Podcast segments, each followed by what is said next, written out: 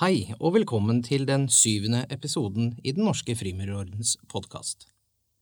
Jeg heter Thomas Bendiksen, og i dag så har jeg med meg Frank, og du har jo vært med i podkasten før, og deg kjenner vi jo som delegert mester i Forskningslosjen Nils Treskov. Det stemmer. Men eh, vi har jo med en til, og Lars Erik, du kan jo få lov til å introdusere deg selv. Ja, jeg heter Lars Erik Volle, er andrevoktende doder i Forskningslosjen, og er også universitetsutdannet historiker. Jeg har eh, forsket særlig på rettsoppgjøret etter 1945 og sett på betydningen for overgangen fra diktatur til demokrati i Norge. Den første boken min dreide seg om bruken av og debatten om dødsstraffen fra 1945 til 1950. Og den foreløpig siste som jeg har skrevet sammen med statsviteren Bård Borge, tok for seg Grunnlovens betydning for dette oppgjøret. Akkurat nå så holder jeg på med to prosjekter. Eh, det ene er en stor biografi om NS generalsekretær Rolf Jørgen Fuglesang. Eh, hvis far og bror var medlemmer av Den norske frimurerorden. Og det andre prosjektet er en omfattende artikkel om ordenens internoppgjør etter 1945.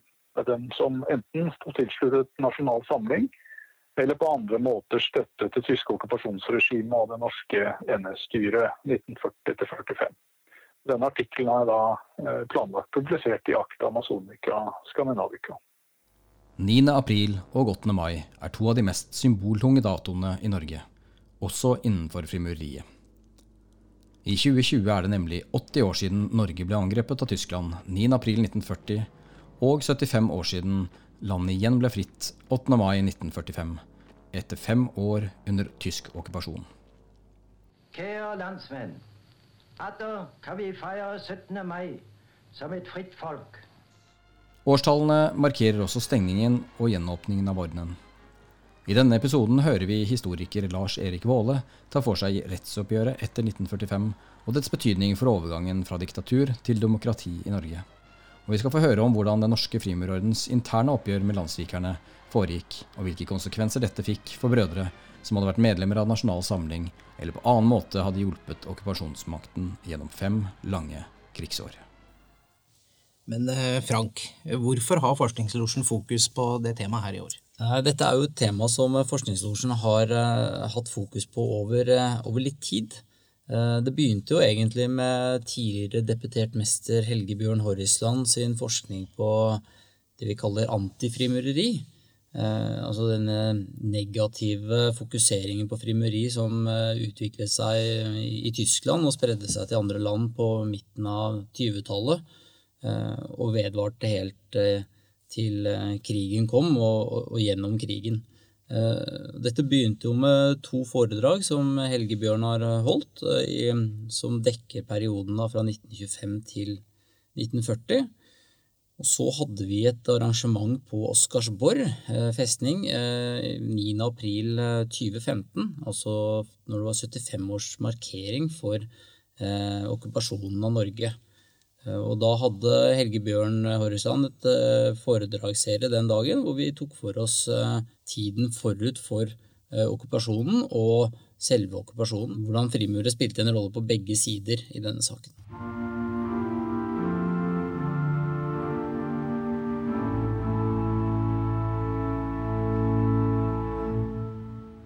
Men eh, 9. april 1940, hva skjedde da med Den norske frimurerorden og frimureriet etter det? Vi kan jo egentlig trekke historielinjen litt tilbake. Vi vet jo det at når Adolf Hitler kom til makten i Tyskland, eh, så tok det ikke veldig lang tid før frimureri der ble eh, forbudt. Det første begynte med at eh, frimureri fikk sterkt innskrenket sine muligheter til å til å utøve seg, og spesielt kristenfrimureri, måtte fjerne og gjøre om på en del av ritualene sine. De skulle være mer tilpasset den nye tiden. De skulle ha et innhold som var godkjent av det tyske diktaturet. Og det varte heller ikke lenge for de få losjene som gjorde disse tilpasningene og prøvde å finne en måte å fungere på, eh, før de også ble forbudt. Så ganske tidlig på 30-tallet så var alt frimureri i Tyskland forbudt. Det er klart at 9.4.1940 så kom okkupasjonen til Norge, og da tok det ikke veldig mange timene før Stamhuset ble okkupert av tyske soldater. Det kan ha vært en tilfeldighet. Her har Helge Bjørn Horrisland gjort et godt arbeid og forsket på dette, og det er mye mulig at målet for de tyske styrkene som skulle okkupere et hus i Oslo, var gamle losjen, og ikke nødvendigvis den losjen den politimannen som fulgte disse styrkene, kjente, nemlig Den norske frimurorden som holdt til i, i Nedre Vollgate 19. Eh, resultatet ble dog at eh, ble, huset ble okkupert. Eh, man hadde jo sånn sett nærmet seg slutten på losjesesongen. Og det var en viss mulighet til å komme og gå i huset. Man fikk reddet ut en del bøker, en del forskjellig utstyr, men langt ifra alt. Og så på høsten, i september 1940, da kom den endelige beskjeden fra tyske okkupasjonsstyret om at frimuriet rett og slett ble forbudt. Rettferdigheten skjer fyldest den foraktelige håndfull av forrædere som falt sine egne landsmenn i ryggen og gjorde seg til fiendens skjendige håndlangere, får nå selv oppleve den skjebnen som er blitt så mange ærlige nordmenn til del. Ingen slipper unna. NS egne arkiver er i hjemmestyrkenes besittelse og danner grunnlaget for den opprenskningsaksjonen som i denne tiden pågår uten stans dag og natt. Men selv om glede preget frigjøringen, så var det også vanskelig med oppgjøret med det som hadde skjedd, både i samfunnet for øvrig og, og i ordenen. Lars-Erik, eh, kan ikke du si litt om det? Ja, er, Jeg kan jo si litt om eh, det ordinære rettsoppgjøret først. Det var jo noe som ble planlagt i London allerede fra 1941. Eh, og det skjedde bl.a. i samarbeid med ledelsen på hjemmefronten etter hvert. Uh, og det kanskje viktigste, De to viktigste grepene man gjorde, var at man gjeninnførte dødsstraffen. Og at man kriminaliserte NS-medlemskapet i seg selv. Uh, og Her finner vi jo et berøringspunkt også i forhold til internoppgjøret i losjen. I og med at det var brødre som da i årene 1940 45 meldte seg inn i Nasjonal Samling. Eller uh, det var brødre som Eh, støttet okkupasjonsmakten rennestyret politisk, ideologisk, militært eller økonomisk eh, i den perioden. Så fikk man eh, mot slutten av 1944 også i gang planleggingen av denne interngranskningen i Orden. Og det var den såkalte Kortklubben som, som planla dette oppgjøret. Så brødre som hadde vært medlemmer av NS, eh, eller da støttet eh, tyskerne eller norske NS-styret, de skulle granskes. Og denne Granskningskomiteen ble opprettet i april 1946. Eh, de fikk der en leder som også var dommer i det ordinære rettsoppgjøret, nemlig Katinko Stubb Håndbo.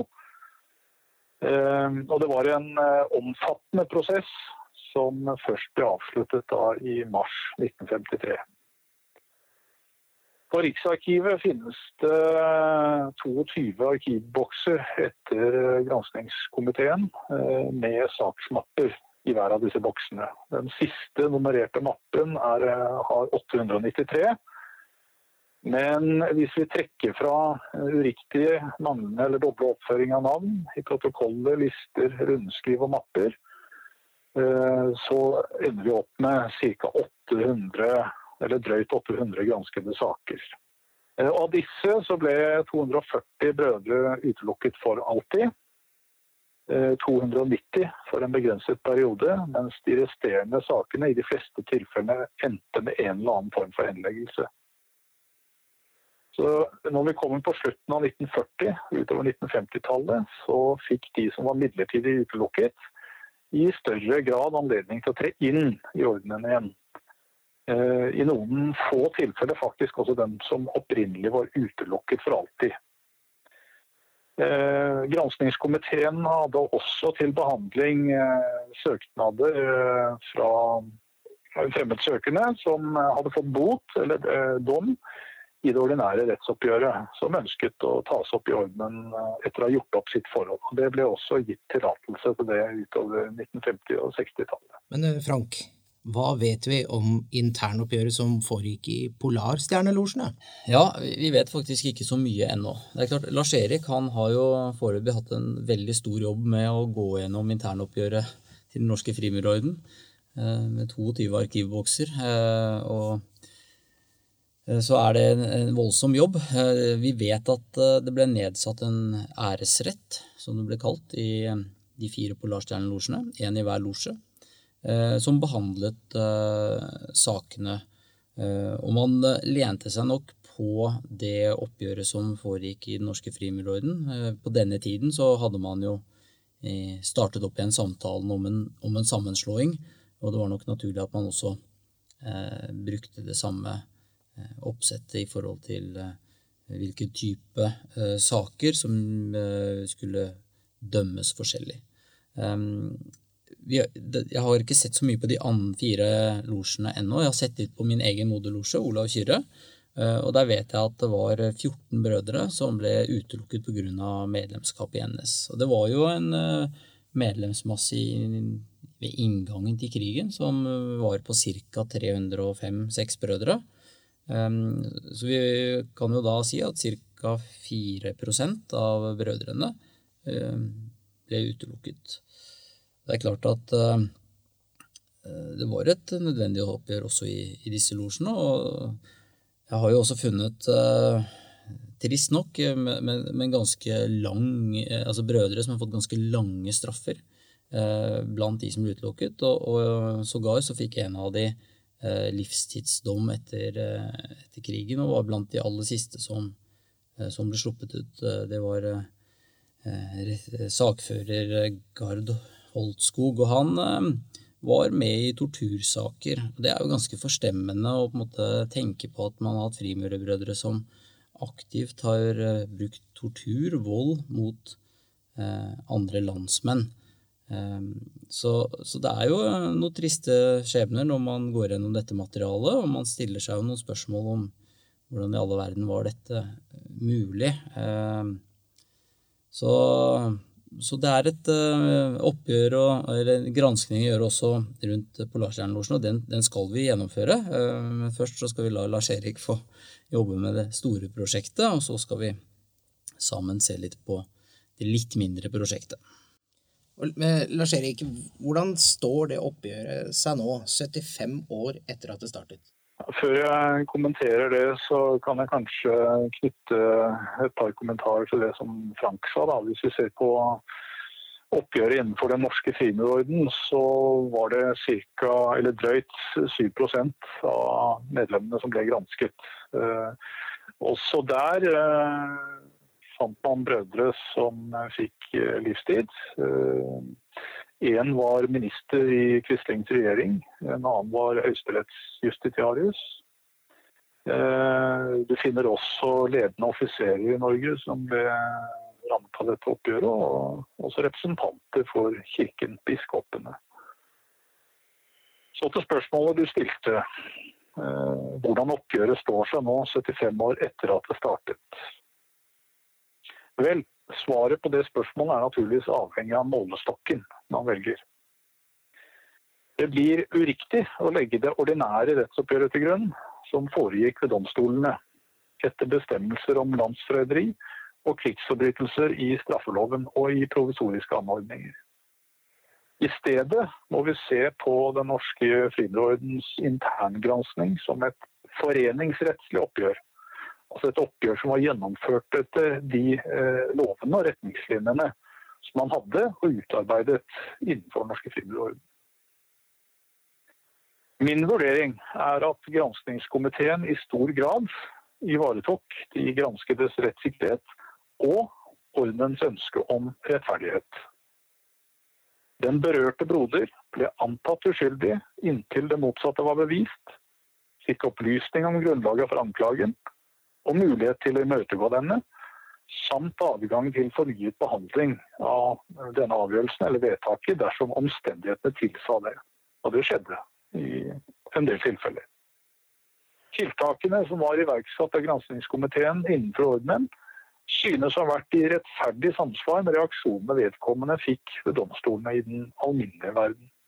Holdningene til eh, disse eh, reaksjonene hos de granskede det varierte fra skal vi si, selvrettferdighet til selverkjennelse, og blant de granskende mellom fordømmelse og forståelse. Lars Erik, du nevnte at eh, leder for granskningskomiteen satt i Høyesterett og var dommer i det ordinære rettsoppgjøret. Har du noen tanker om hvordan dette kan ha påvirket interne oppgjør i ordenen, og har Holmbo selv satt sitt merke på dette? Katinko Stum Holmbo var jo en av de høyest respekterte juristene både i og utenfor Høyesterett før 1940 og etter 1945. Han eh, satt som dommer i det ordinære rettsoppgjøret, og han tilhørte den fraksjonen av Høyesterett som ofte viste forsonlighet i forhold til de tiltalte. Han var også svært opptatt av eh, de tiltaltes rettssikkerhet. At uh, skal vi si, deres menneskerettigheter uh, og hensynet til Grunnloven ble ivaretatt i hvert tilfelle. Og Det uh, var nok en stor fordel for Den norske frimurorden at også Håndbo satt som øverste leder for den interne granskningen der.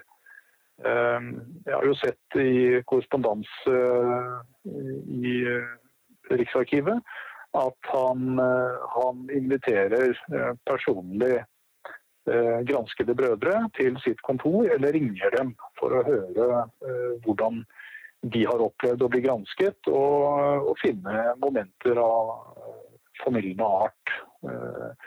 Og han uttaler også i et brev på 1950-tallet at frontkjempere som har sonet dommen, eh, og som har vært ledet av en form for eh, idealisme i sin eh, ungdom, ikke bør hindres i å, å få mulighet til å, å, delta i ordenen som fullverdige medlemmer etter hvert.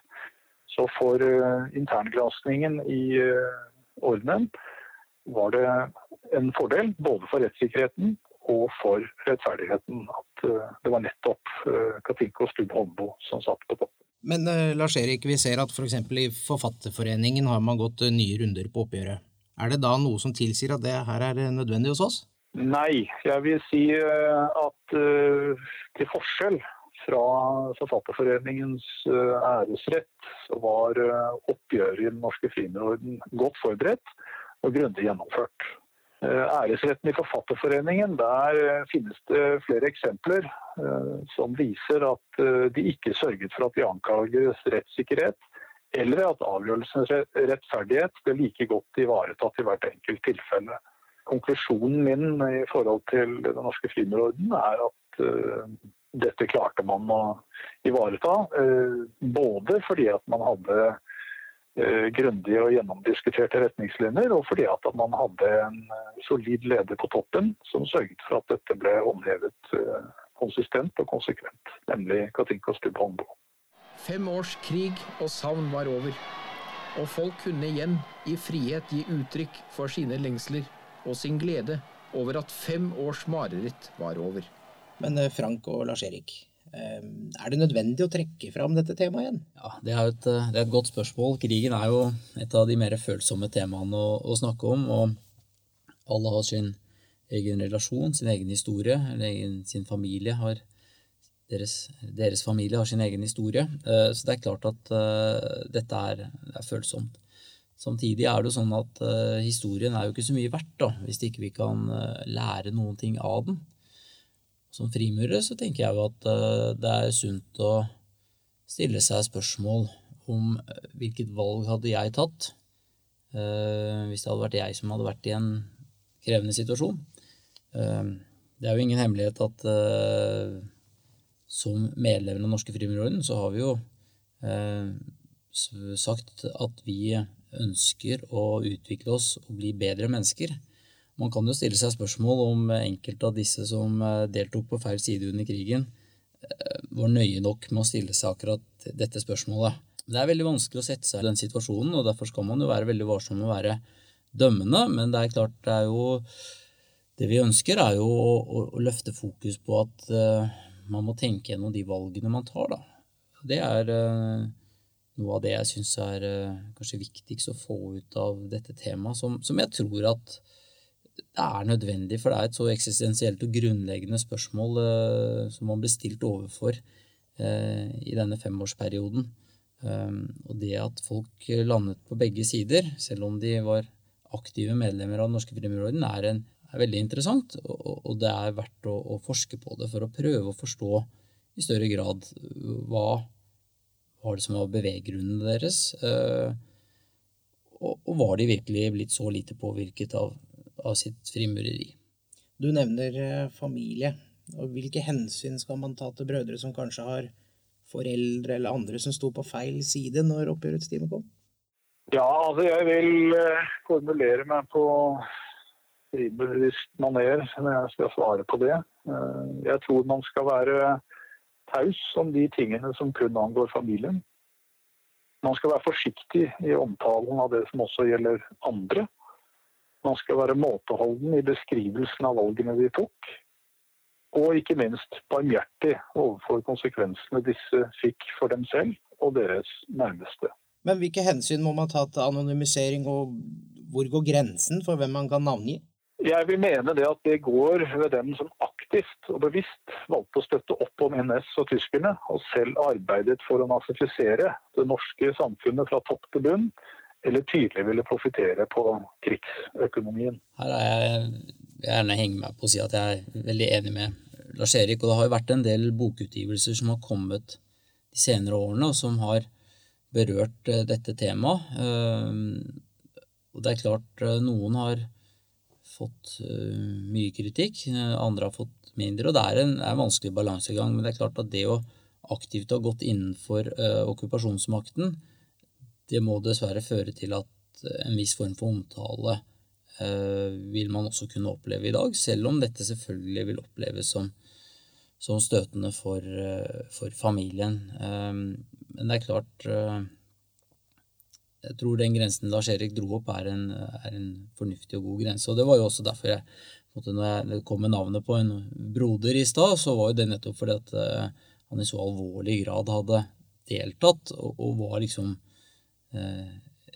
bevis på at eh, det er ikke alle frimurere som er gode brødre.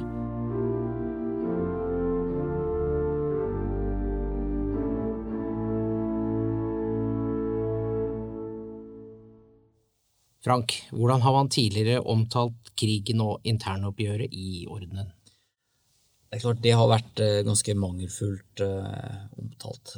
Det er kanskje ikke unaturlig at i de jubileumsbøkene som kom ut i årene etter krigen, og kanskje på 50- og 60-tallet, eh, at dette var et tema som fortsatt var følsomt. Eh, omtalene har variert. Noen losjer har vært flinke og hatt, et, hatt en del sider. Andre har omtalt det med noen linjer. Eh, det har vært, vært vondt og krevende, og det har vært lite omtalt. Og det som har vært omtalt, har jo oftest vært losjen ble sant, At frimureri ble forbudt, at losjen deres ble nedlagt, at det står om hva som skjedde med det lokale huset, gjerne litt plyndringer og tyverier, eh, og veldig lite om at brødrene trådte på feil side. Eh, I en Sankt Johannes losje så ble en tidligere ordførende mester strøket eh, fra matrikkelen på grunn av at han var medlem av NS og gikk okkupasjonsmakten i hende. Eh, og det står beskrevet med én linje hvor det står at han trakk seg tilbake i 1945. Eh, vi kan gå til eh, bøkene om Det norske store landslosje, som på en måte er også historieberetningen om Den norske frimurorden. Og da har vi den boken som kom ut i 75-årsjubileet, skrevet av Christian Thorbjørnsen, ordenens historiograf den gangen. Der står det jo veldig grunnleggende om dette eh, på det overordnede nivå, men det står f.eks. ingenting om at eh, ordenens høyeste prelat, Kjell Stubb, var medlem av NS. Eh, han ble ikke kastet ut av ordenen. Han ble anmodet om å ikke gå på møter i etterkant, fordi han det var en vanskelig situasjon. Det var kanskje ikke nok til en utkastelse eller på en måte en ekskludering, men det var fortsatt såpass krevende. Det var bilder av han sammen med Vidkun Quisling eh, på Olavsstøtten eh, nord for Trondheim eh, fra før krigen. Det er klart at eh, Han var ikke aktiv NS-medlem under krigen, men, men, den type bilder var umulig antagelig for ordenen å forholde seg til etter 1945. Men, men hans skjebne er ikke beskrevet i det hele tatt. I verken jubileumsboken fra 75 eller uh, fra 100-årsjubileet til uh, Den norske store landslosje. Han var altså ordenens høyeste prelat og hadde vært det i, i, nærmere 20 år. Han hadde uh, en lang periode som ordførende mester i St. Olaus til de tre søyler, og gikk av der i 1939. Så det er klart vanskelig sak, men det er veldig beskrivende for hele omtalen av internoppgjøret og krigen generelt, og spesielt av brødrene som falt på feil side, at dette ikke omhandles. Hvorfor? Jeg tror rett og slett det var kanskje for nært i tid, og kanskje man valgte rett og slett bare å eh, la det forbigå i stillhet. Det var det enkleste for alle. Lars Erik, hva er grunnen til at dette tas opp nå etter 75 år? Jeg tror det har eh, sammenheng med det man opplever også med 25-årsjubileer, 50-årsjubileer eh, ellers i forhold til krigen at eh, det knytter an til eh, krigen og oppgjørets betydning for vår nasjonale selvforståelse. Det er jo klart Den norske frimurorden, den norske frimurorden, som da ble selvstendig i 1905, ble også en del av det nasjonsbyggende prosjektet etter, eh, etter unionsoppløsningen med Sverige. Så jeg tror rett og slett tiden er inne til å få en mer eh, distansert og kritisk vurdering av hvordan oppgjøret var.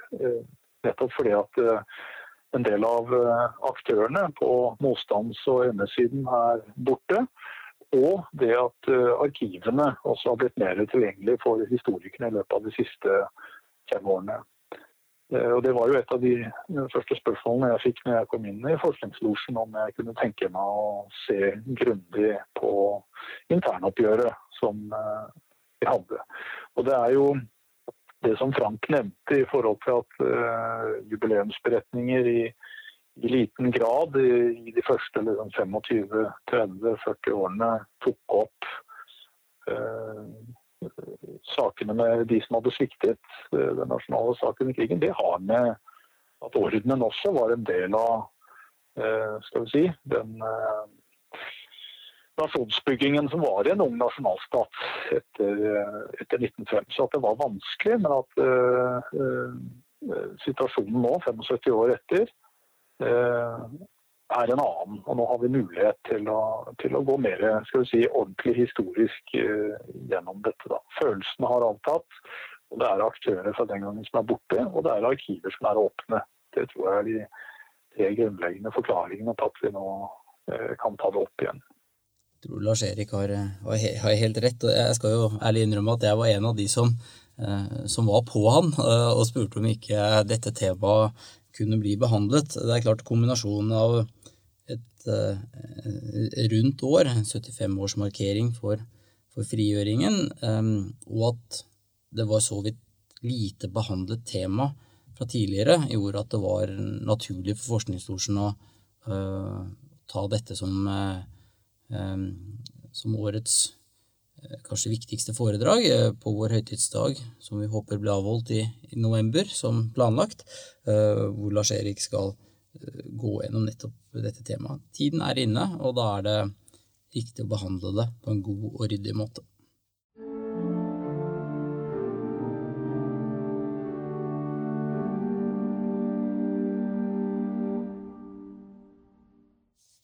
Frank og Lars-Erik, kan vi ha andre forventninger til frimurere kontra resten av befolkningen?